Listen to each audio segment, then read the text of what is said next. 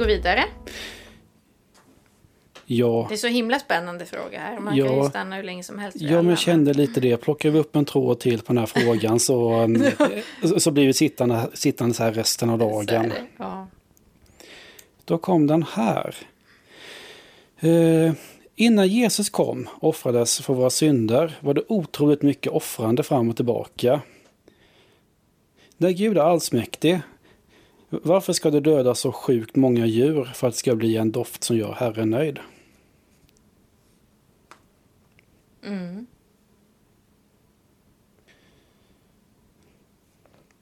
Och eh, brevskrivaren här skickar faktiskt med en teori. Mm.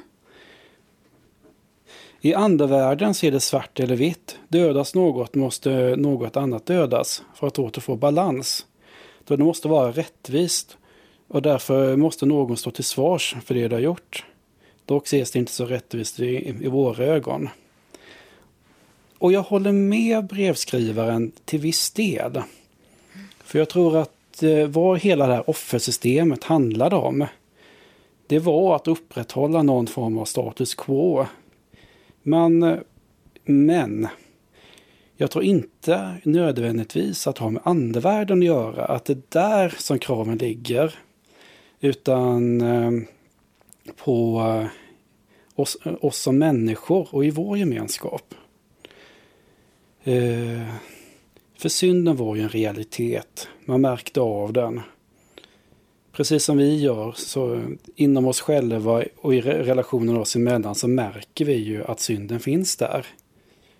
Och jag tror att för att man ska kunna fortsätta att fungera som gemenskap, som samhälle, så måste det här tas i tag med på något sätt. Man måste förhålla sig till synden och göra upp med den. Och jag tror det var därför som det här offersystemet infördes. Som ett sätt att eh, åtminstone för tillfället förhålla sig till synden. Mm. Det är som en markering. Att det Mm. inte bara kan passera. Precis. Mm. Och också kanske som någon form av tillfällig lättnad att eh, vi, eh, nu har vi tagit tag i det här. Mm. Men som, brev, men som frågeskrivaren säger så var det ju sådana fruktansvärda mängder Mm. djur som offrades. Av det kan man egentligen bara dra slutsatsen att det här nog kanske inte fungerade egentligen. Nej. Och var, varför det ytterst sett inte fungerar, det är ju för att eh, för att synden är så genomgripande, tänker jag. Så att vi Mm. kan aldrig göra upp med den. Nej, precis. Och det är ju också en av frågorna senare. Varför behövdes Guds son på jorden?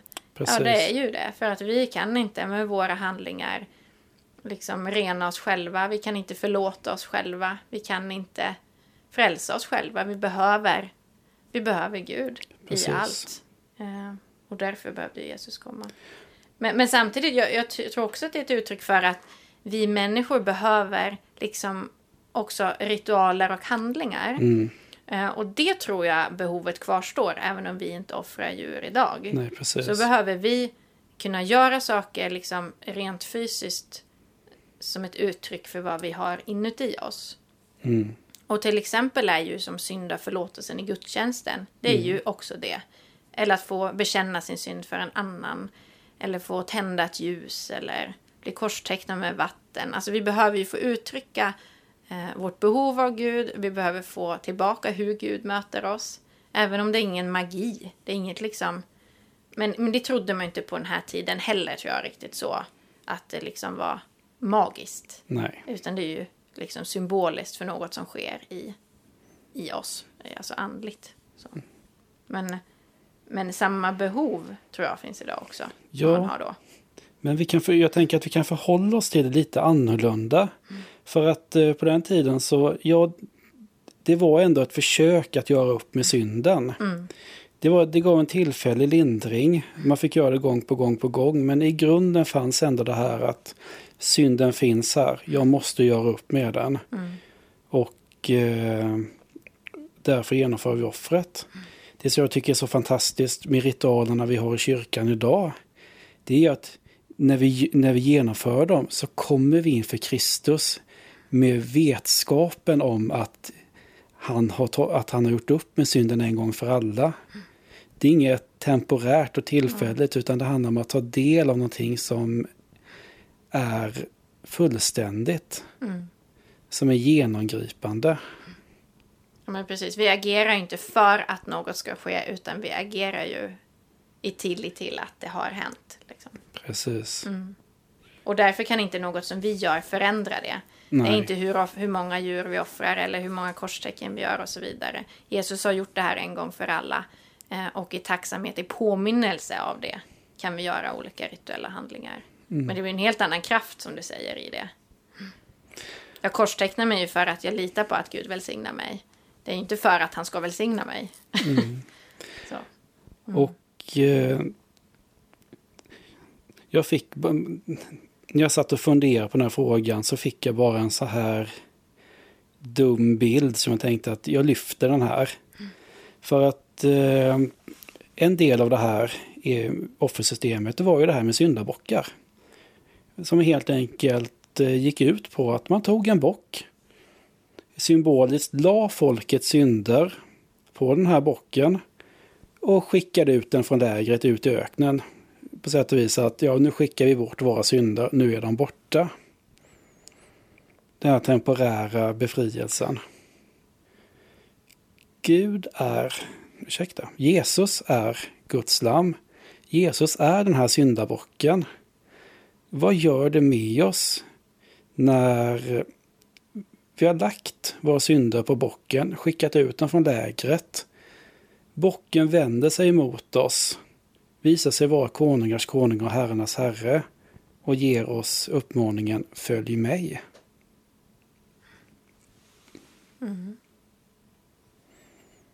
Ja, den bilden kan man klura på. Mm.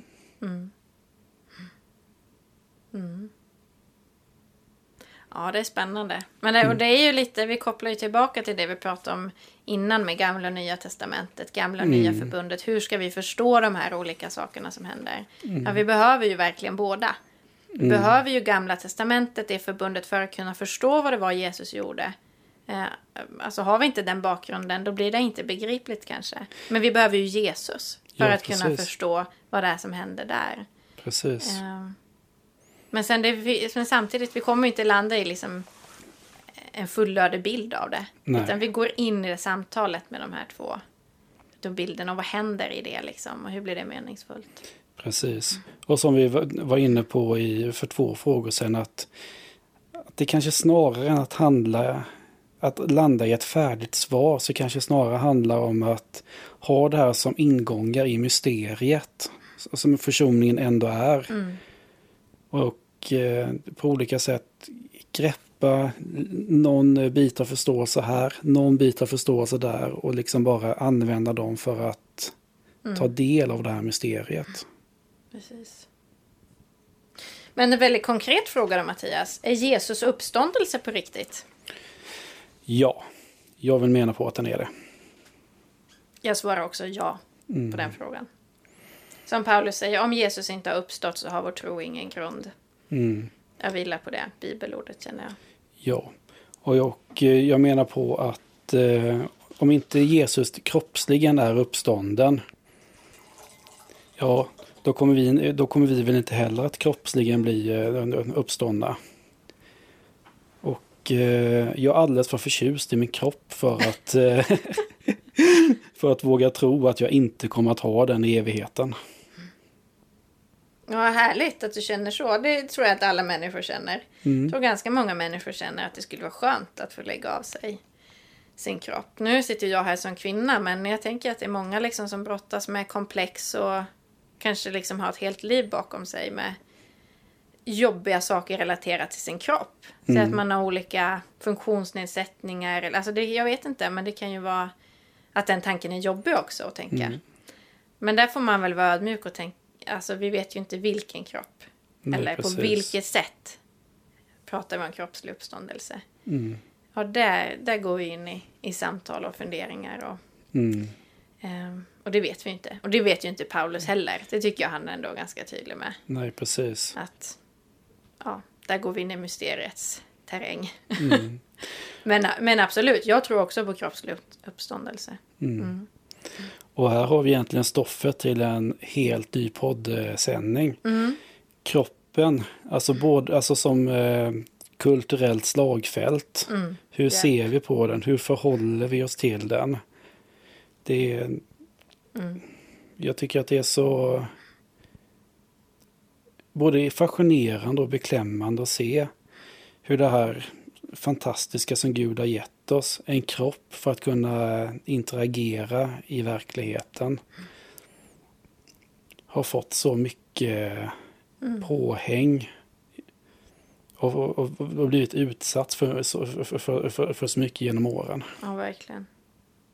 Ja, vi får ta med oss det. Det Mm. kanske blir någon gång. Kroppen. Hade varit, Kroppens väl, teologi. Väldigt hade, spännande. hade varit väldigt spännande faktiskt. Här intill, går den att svara ja eller nej på? Finns det änglar på riktigt? Ja, det gör det väl. Ja, men det gör det väl. Ja. Jag, tänker, jag tänkte faktiskt på den här frågan lite innan. Jag, tänk, jag såg liksom bilden av solen framför mig. Alltså om Gud är solen så är ju liksom änglarna lite som ljuset. Mm. Det är ju en del av solen, det är ett utflöde från solen men det är ändå särskilt på något sätt. Vi har ju två ord för det. Mm. Ehm, men man pratar ju om liksom änglar, angelos, alltså de, är- de är ju liksom sändebud. Ehm, så det de, är ju, de är ju en del av Gud. Mm. Det änglarna säger aldrig någonting annat än det Gud säger. Ehm, man kan liksom... Om, äng, om en ängel har sagt något kan man ju i princip säga att Gud har sagt det. Mm. Alltså så. Men de är ju ändå... Men ändå inte Gud. Mm. Det- Alltså, nu flummar jag lite, men jag tror att, att bilder kanske går fram hur jag menar. Mm. Att, men det betyder ju då att en ängel kan ju vara en människa också som Mm. kommer till oss. Att Gud använder en människa eller en sak eller en sång eller, eller som Guds sända på Mm. sätt. Precis. Ja. Vill du kroka i eller är det ungefär som du? Ja, men det, det, det är väl ungefär så, så som jag också tänker. Mm. Och i Bibeln verkar det som att folk blir rädda för änglar ibland. Men så tänker jag också att det kan vara med budskap vi får till oss eller saker som händer. Eller det kan vara från Gud men det kan initia, initialt skrämma oss. Mm. Eh, men är det från Gud så är det inte farligt. Nej, Och precis. därför är budskapet var inte rädd liksom. Mm. Vi är ju på väg in, eh, på väg in, vi börjar närma oss jultider i alla fall. Och där har vi ju flera exempel på sådana här fantastiska saker egentligen. Ängeln kom till Maria och sa att du ska bli havande och föda Guds son. Hur läskigt är inte det? Det måste vara fruktansvärt. Det kanske var befogat med liksom inledande orden var inte rädd. Nej, precis. Så man landar det. Mm. Man kan bara fråga hur mycket det hjälpte egentligen. Nej. Jag hade fått panik. Ja, precis. Mm. Mm. Ja, hjälp. Man hade ju ifrågasatt sig själv lite i alla fall. Ja, men Kanske verkligen. läkt in sig. Mm, ja, precis. Mm. precis. Ja, vi måste nog tuffa på lite här Mattias tror jag. Mm, jag tror det med. Ehm, ska vi se här. Vilka bevis på Guds existens tycker ni är de främsta? Hej och den är svår tycker jag. Mm. Jag har kanske en lite speciell ingång i den frågan. För eh, jag skulle faktiskt vilja peka på ondskan i världen. Mm, spännande. För eh, vi kan ju se rätt så tydligt genom historien att eh, ondskan är rejäl. Människan ligger bakom väldigt mycket av det. Rent historiskt så är vårt track record inte det bästa. Det är krig, det är förföljelser, det är förintelser, det är övergrepp. Både i det stora me mellan stater och kungar och arméer men också i det lilla. I våra nära relationer, inte minst mellan män och kvinnor. Så är, alltså, vi gör inte speciellt bra ifrån oss. Uh, Och om det nu är så att det inte finns någonting annat än, än världen här och nu, den immanenta tillvaron som man brukar prata om.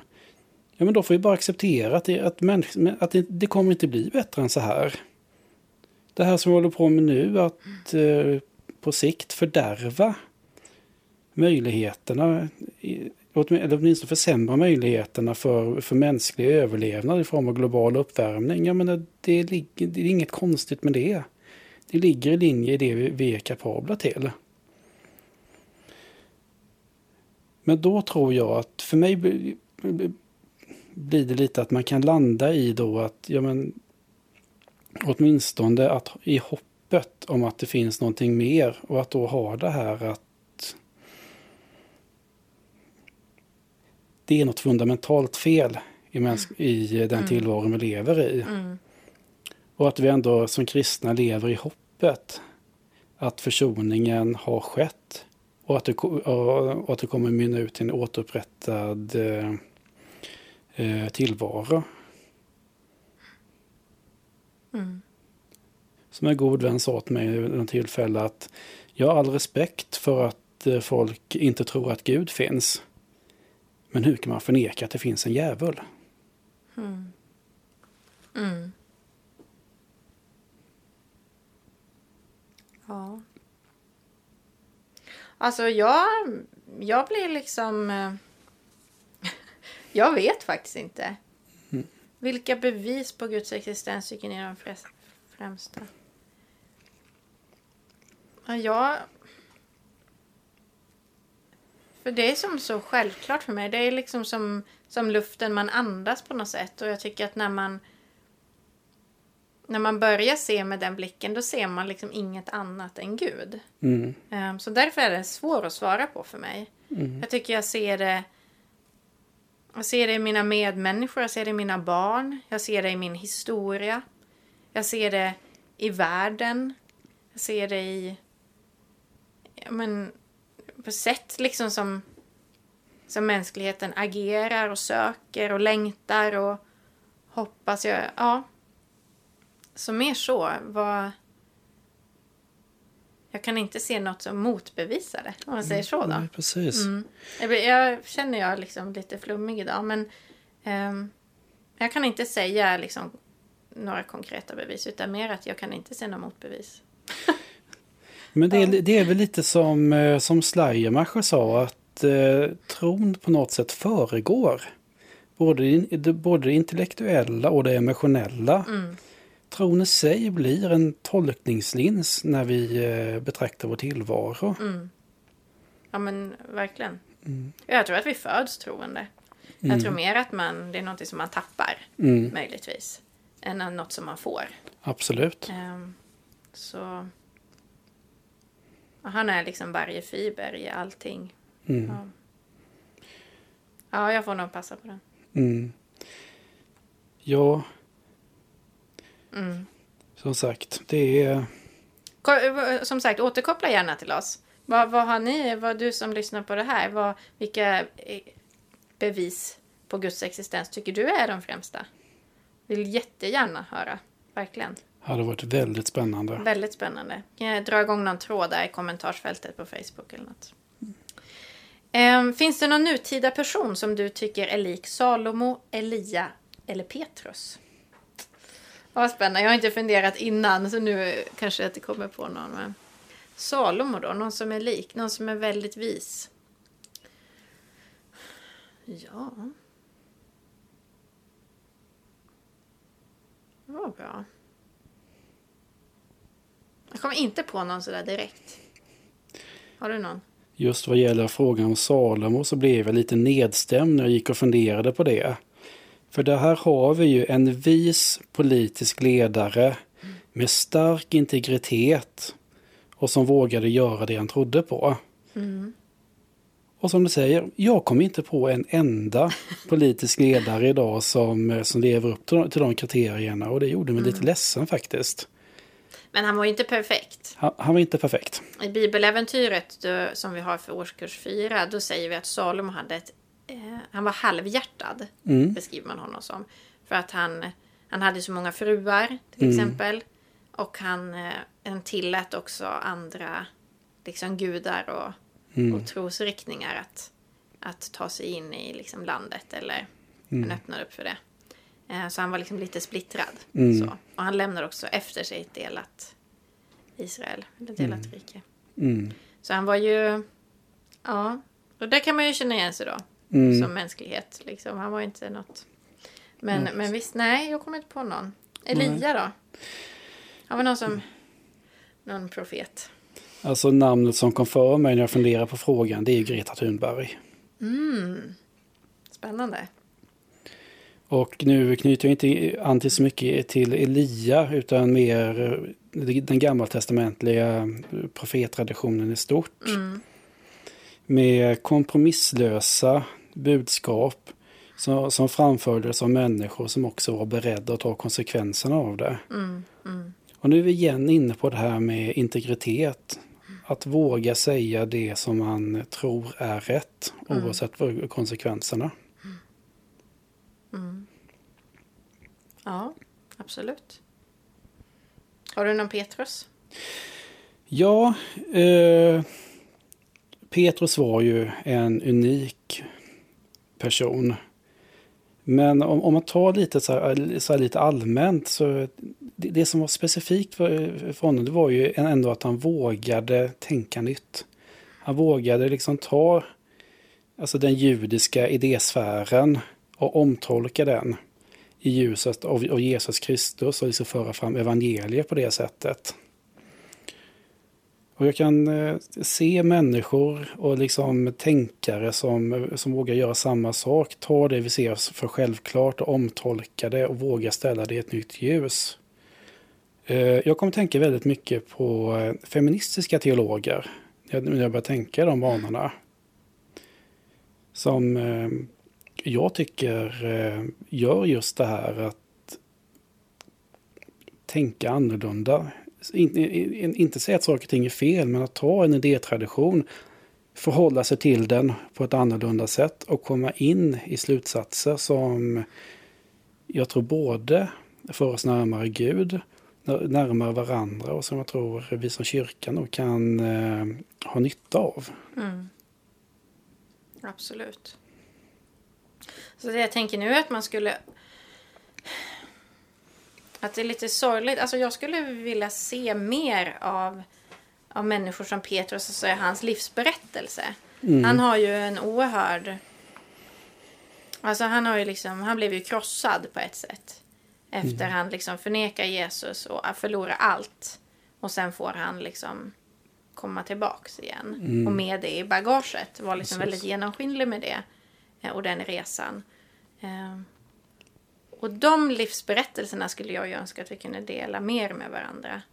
Eh, Alltså vi skulle behöva ledare som, som har en resa.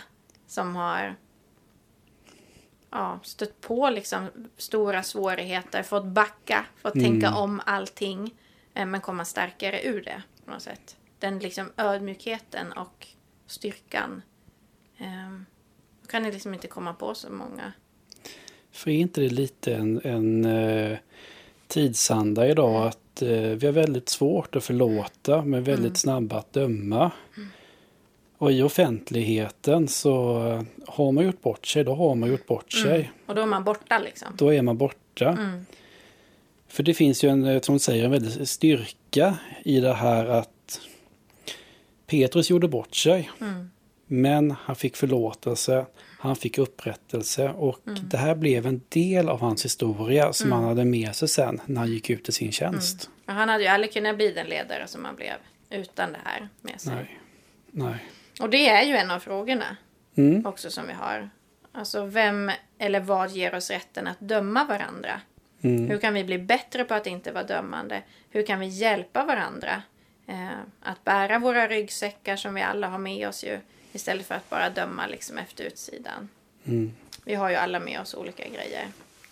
Eh, och det, det ligger ju liksom lite i det här då. Alltså hur, hur kan vi skapa ett sånt klimat där människor kan, kan få vara genomskinliga i det de har men också kan få göra fel Precis. eh, och få nya chanser. Mm. Mm, det är... Jag tänker lite på... Vi pratade lite om det innan, skillnaden på att döma och tillrättavisa. Alltså egentligen så är det ju två saker som ligger ganska nära varandra. Man påtalar att någon har gjort fel men med så totalt olika ingångar. Mm, och så totalt olika konsekvenser. Mm. Och jag tror att eh, fundera lite på det. När tillrättavisar jag och när, och när dömer jag? Mm. Vad vill jag när jag, säger, när, när, när jag säger till en person?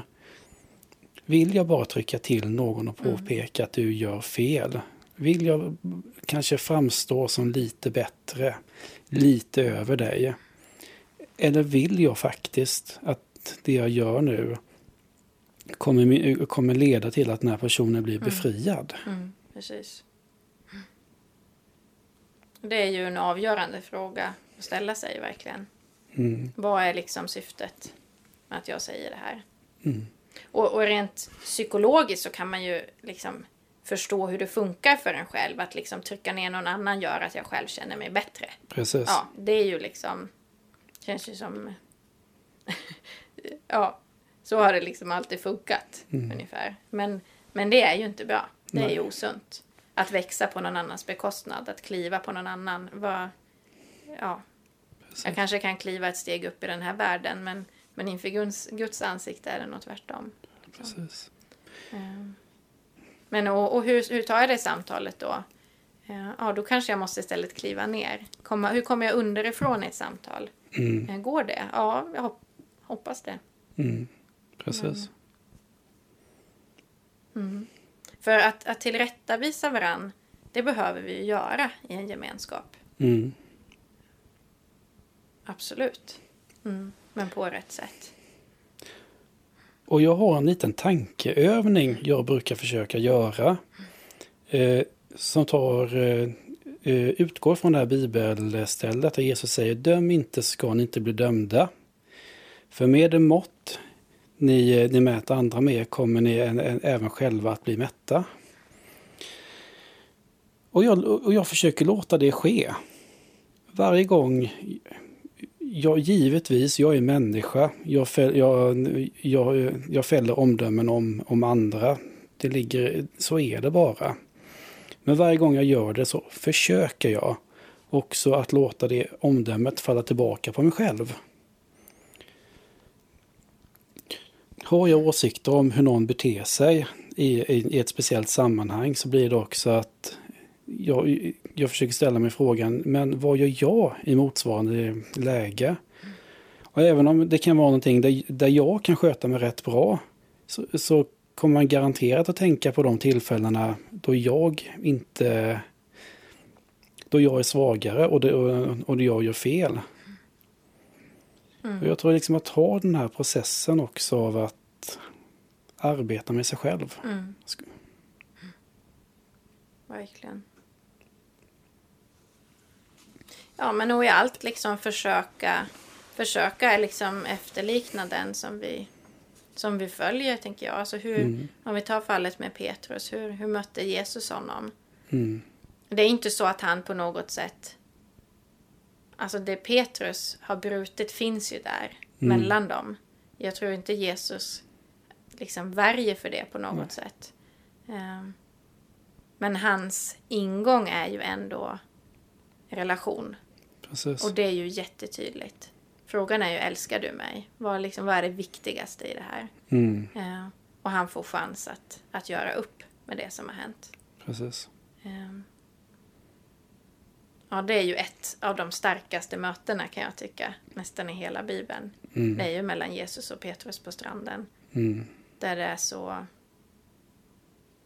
Ja. Han går ju från att vara liksom en nedbruten till en upprättad människa i Precis. det mötet. Och kärleken är nyckeln i det. Mm. Ehm. Och vi som brustna människor kan ju bara liksom önska om att få ha Jesus sinnelag. Vi kommer inte kunna efterlikna honom med allt, så är det ju. Liksom. Men vi kan ju ändå sträva dit. Att låta ja, men kärleken vara, vara vägledande i allt vi gör. Liksom. Och jag tänker att Jesus sinnelag för oss eh, kanske vidare in på nästa fråga. För Jesus är ingen religion, sjunger Ingmar Olsson. Stämmer det? Ja, det stämmer. Jesus är en person. Mm. Precis. Ingen religion. Nej, så sant. Men det finns en religion runt Precis. Jesus. Med riter och tankar och dogmer och, och så vidare. Precis. Men det är ju inte i första hand den vi förhåller oss till, utan till personen Jesus. Precis. Och jag skulle också vilja problematisera den här motsättningen som eh, vi ofta kan, eh, kan landa i och som jag tror att frågeställaren kanske fiskar lite efter. Den här motsättningen mellan religionen med dogmer och ritualer och relationen man kan ha med Jesus. Och jag tror inte att det finns en eh, motsättning. Jag vet att för, alltså i alla relationer så finns det ju någon form av förförståelse gentemot varandra som man använder när man, när man eh, relaterar till varandra. Bara för att ta ett trivialt exempel. Jag vet att min hustru avskyr oliver. Det är liksom det är dogm i vårt eh, äktenskap, om man får uttrycka det så. Mm, det kan vara bra att veta. Det är bra att veta. För det får, för det får faktiskt konsekvenser för vårt eh, äktenskap i den bemärkelsen att jag aldrig använder oliver när jag lagar mat. Och jag tänker att det det är väl lite samma sak med dogmer. Att vi måste ju ändå ha en förståelse för vem Gud är, vem Jesus är, vem vi är. Den här skapelsen vi befinner oss i, vad är det för något egentligen? Hur ska vi förhålla oss till den? På något sätt en förförståelse som vi sen har med oss in i relationen med Kristus. Men så är det. Precis. Mm. Och så är det ju, alltså det är, väl, det är väl en bra liknelse. Det är ju så vi relaterar varandra. Det finns ju former för hur vi relaterar till varandra. Mm. Och om man älskar någon så vill man ju relatera till den på rätt sätt. Ja, som den uppskattar och som funkar för mig. Och då, då söker man ju former för det. Det tar sig former. Mm. Ehm, ja, det är ju inte konstigare än så. Nej. Nej. Och jag tänker lite samma sak det här med, med ritualer. Jag menar, vi ger var, varandra blommor om vi älskar varandra. Och eh, vi vet ju också att skulle, skulle någon komma hem och säga att ja men du vet ju att jag älskar dig. Det vet vi. Så varför skulle jag ge dig blommor? Så skulle det inte falla i så god jord. Nej, så kan det vara. Men Nej, det, men precis, det är ju ett sätt att umgås. mm, Som, som man mår bra av, liksom, som stärker relationen då. mm, Att ge blommor. precis. Ja, ja det är väl en bra bild. Och jag tänker lite på det du var inne på här när, när, när vi pratade om offer. Att vi ändå vi har ritualer för att ta del av på, och påminna oss om någonting annat. Ja, men verkligen. Mm. Ja, men jag tänker att Jesus vill ha en relation till alla delar av vårt liv. Mm. Jesus, liksom, det är inte bara en tanke som vi har eller liksom en, en punkt i vår historia där vi en gång blev frälsta. Utan det handlar ju om hela våra liv. Också hur vi agerar, vad vi säger, alla mina val. Och det uttrycket blir ju en religion. Eller liksom det, det är ju uttrycket för vår relation. Har vi Precis. inte uttrycket, då, då har det ju inte med alla delar att göra på något sätt. Då är det ju bara ett försanthållande. Precis. Och, och Jesus kom ju för att förvandla våra liv. Allt liksom. Förvandla världen, förvandla allt. Ja. Mm. Det, då blir det ju uttryck av det. Precis. Precis. Ja, jag tror vi ska börja avrunda här Mattias. Jag blir lite... Jag kommer flumma iväg mer och mer med vi pratar här känner jag. Och eh, Ja. huvudet börjar bli lite tomt. Men vi har en fråga kvar. Jag, jag, jag tänkte att den, den kan vara en passande kan vara avslutning. avslut. Ja. Ja. Ska du ta den? Hur kan man undgå att bli knäpp när man försöker tänka på varifrån Gud kommer och vad som fanns före honom? Ja, hjälp. Kan man undgå att bli knäpp? Frågan förutsätter ju att man kan det. Precis. Ja. Ja. Alltså jag tror att, nej men, att man i, i möjligaste mån möjligtvis ska försöka att inte tänka Gud konceptuellt. Nej. Utan prata med Gud. Mm, Och om vi pratar med Gud, då blir vi inte knäppa. nej, Förstår du vad jag menar? jag förstår precis. För det här är ju liksom att Gud är ett koncept. Men, men det är ju en person liksom. Det är alltid bäst att ta det med den personen, det som gäller den personen. Och sen tänker jag också lite att vi måste acceptera att vi som människor är begränsade. Mm. Vi behöver vissa koncept att tänka utifrån. Vi behöver tänka tid och rum. Vi behöver tänka i kausalitet, eh, i orsakssamband. Vi, behöver, vi behöver därför att göra vår tillvaro begriplig. Och, innan, och eh, tar man hänsyn till de begränsningarna så är det uppenbart att Gud inte får plats. Mm. Så som du säger, vi måste acceptera att vi har inte kapaciteten att fullt ut betrakta Gud i, i sin oändlighet. Men vi kan vila i att, att vi kan ha en relation till honom. Precis.